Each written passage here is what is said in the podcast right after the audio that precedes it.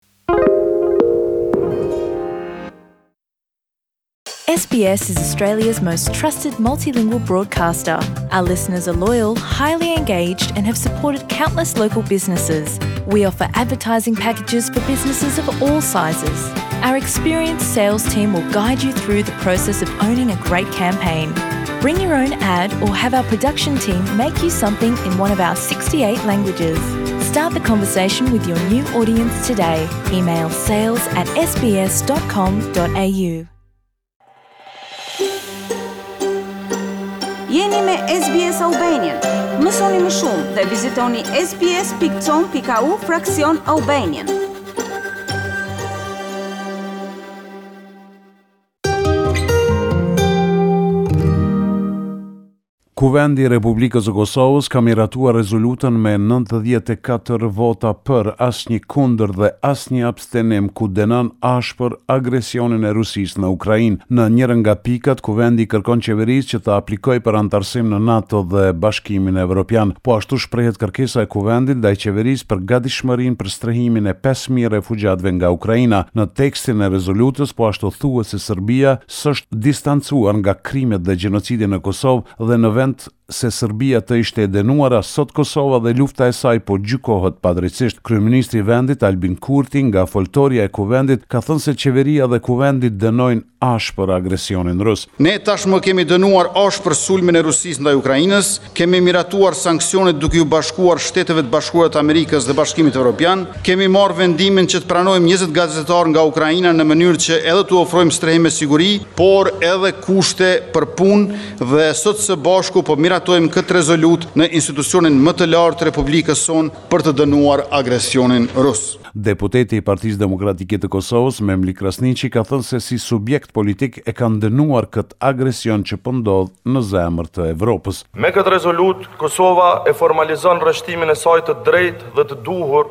krahas demokracive evropiane dhe botërore. Deputeti i LDK-së, Lumir Abdixhiku, ka thënë se me këtë rezolutë Kosova e rreshton veten krahas demokracive të mëdha, ndërkohë tha se Kosova duhet të nisë një fushatë sensibilizuese për anëtarësim të shpejtë në NATO. Prandaj le të nisim një fushatë të koncentruar diplomatike, lobuese e insistuese në çdo qendër të Evropës, për të siguruar fillimisht njohjen nga pesë vendet e mbetura, e më pas për të siguruar në formë të përshpejtuar anëtarësimin e vendit tonë në NATO. Le të dorëzojmë kërkesën për anëtarësim sa më parë që është e mundur. Solidarizim dhe përkrahje me Ukrainën ka ofruar edhe deputeti i AAK-së, Besnik Tahiri. Deputetët kanë mbajtur edhe një minutë heshtje në nderim të viktimave në Ukrainë, ndërkohë në duar kanë mbajtur pankarta me mbishkrimin Ne jemi me Ukrainën, por këto pankarta nuk i kanë mbajtur edhe deputetët e Listës Serbe. Agresioni rus në Ukrainë dhe gjendja fragjile e sigurisë në Ballkanin Perëndimor ka bërë që krerët e shtetit të Kosovës të mobilizohen në krijimin e rrethanave të favorshme në rast të rrezikimit të sigurisë së vendit, nga fqinji verior Serbia, e cila është aleate tradicionale e Rusisë dhe apetiteve të saja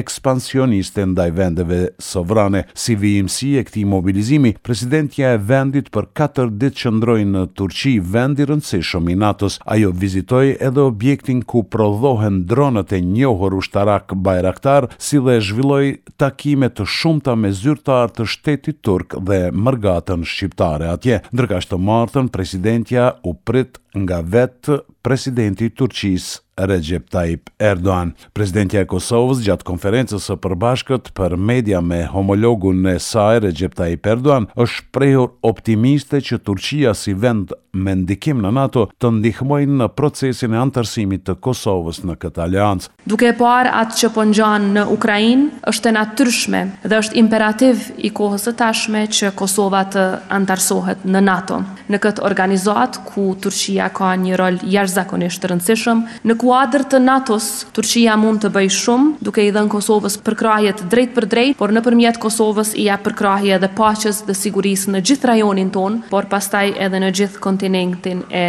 Evropës. Nga ana e tij, presidenti turk Rexhep Tajip Erdogan tha se do ta ndihmojë Kosovën për anëtarësim në NATO siç e ka ndihmuar për të siguruar njohje të reja. Për ta mbështetur procesin e Kosovës këtu, nuk kemi nevojë për të marrë leje nga askush për ta bërë këtë, për ta ofruar këtë mbështetje. Ne i kemi edhe ndërmarrë hapat tona, ashtu siç ndërmorëm në rastin e njohjes, ashtu do të bëjmë edhe në rastin e procesit të anëtarësimit të NATO-s në Kosovë. Ai po ashtu tha se shpreson të përforcohet edhe më tej bashkëpunimi mes Kosovës e Turqisë në të gjitha sferat, ndërsa ka folur edhe për dialogun Kosovë-Serbi.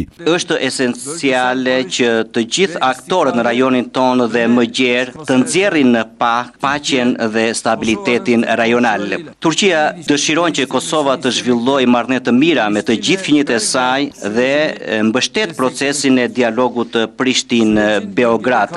Është dëshira jonë e sinqertë që procesi të përfundojë sa më shpejt me një marrëveshje gjithëpërfshirëse që do të sigurojë paqe dhe stabilitet të qëndrueshëm në rajon. Në anën tjetër, presidenti i Serbisë, Aleksandar Vuçiq, ju ka drejtuar kombit rreth zhvillimeve dhe situatës në Ukrainë. I pari i shtetit serb ka pohuar se gjendet në pozitë të vështirë ai dhe Serbia, gjersa tha se pret presion më të madh që të rreshtohet kundër Rusisë. Vuçiqi, ka paralajmëruar edhe kurthe për Serbinë teksa ka folur për Kosovën, e patë që shqiptarët aplikuan për anëtarësim në NATO, e patë që morën mbështetjen e një force si Turqia, ka thënë ai. Ai pret që një prej iniciativave të ardhshme të jetë përjashtimi i Rusisë nga Këshilli i Sigurimit të OKB-së e me këtë sipas tij do të hapej rruga për pranim të pavarësisë së Kosovës nga kjo organizatë.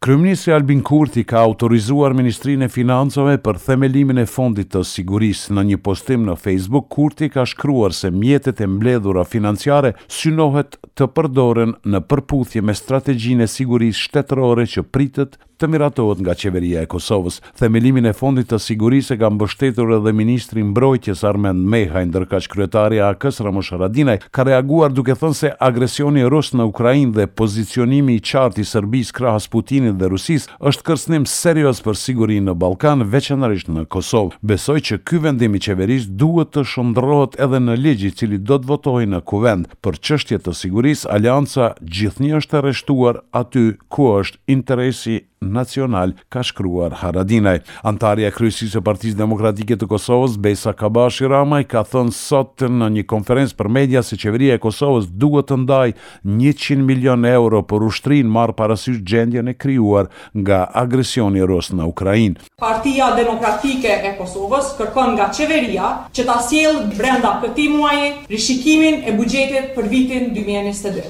Konkretisht, kërkojmë nga qeveria që nga shpenzimet kapitale të parapara për këtë vit, të cilat janë përllogaritur në vlerë prej pesëqind e pesëdhjetë e katër milionë eurosh, të merren njëqind milionë euro, të njëjtat të ridestinohen për nevojat e kapaciteteve ushtarake.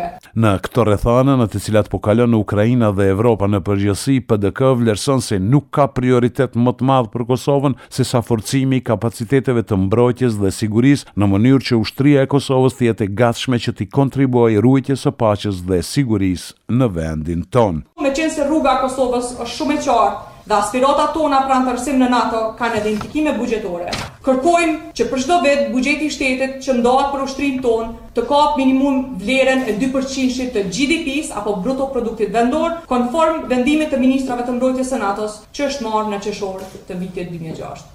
Një i vdekur e pesëdhjetë e dy raste të reja me Covid nëntëmbëdhjetë në njëzet e katër orët e fundit në Kosovë, kështu ka njoftuar Ministria e Shëndetësisë në raportin e saj të fundit bazuar në të dhënat e Institutit Kombëtar të Shëndetësisë Publike. Për Radion SBS, Mend Hysa. Prishtinë.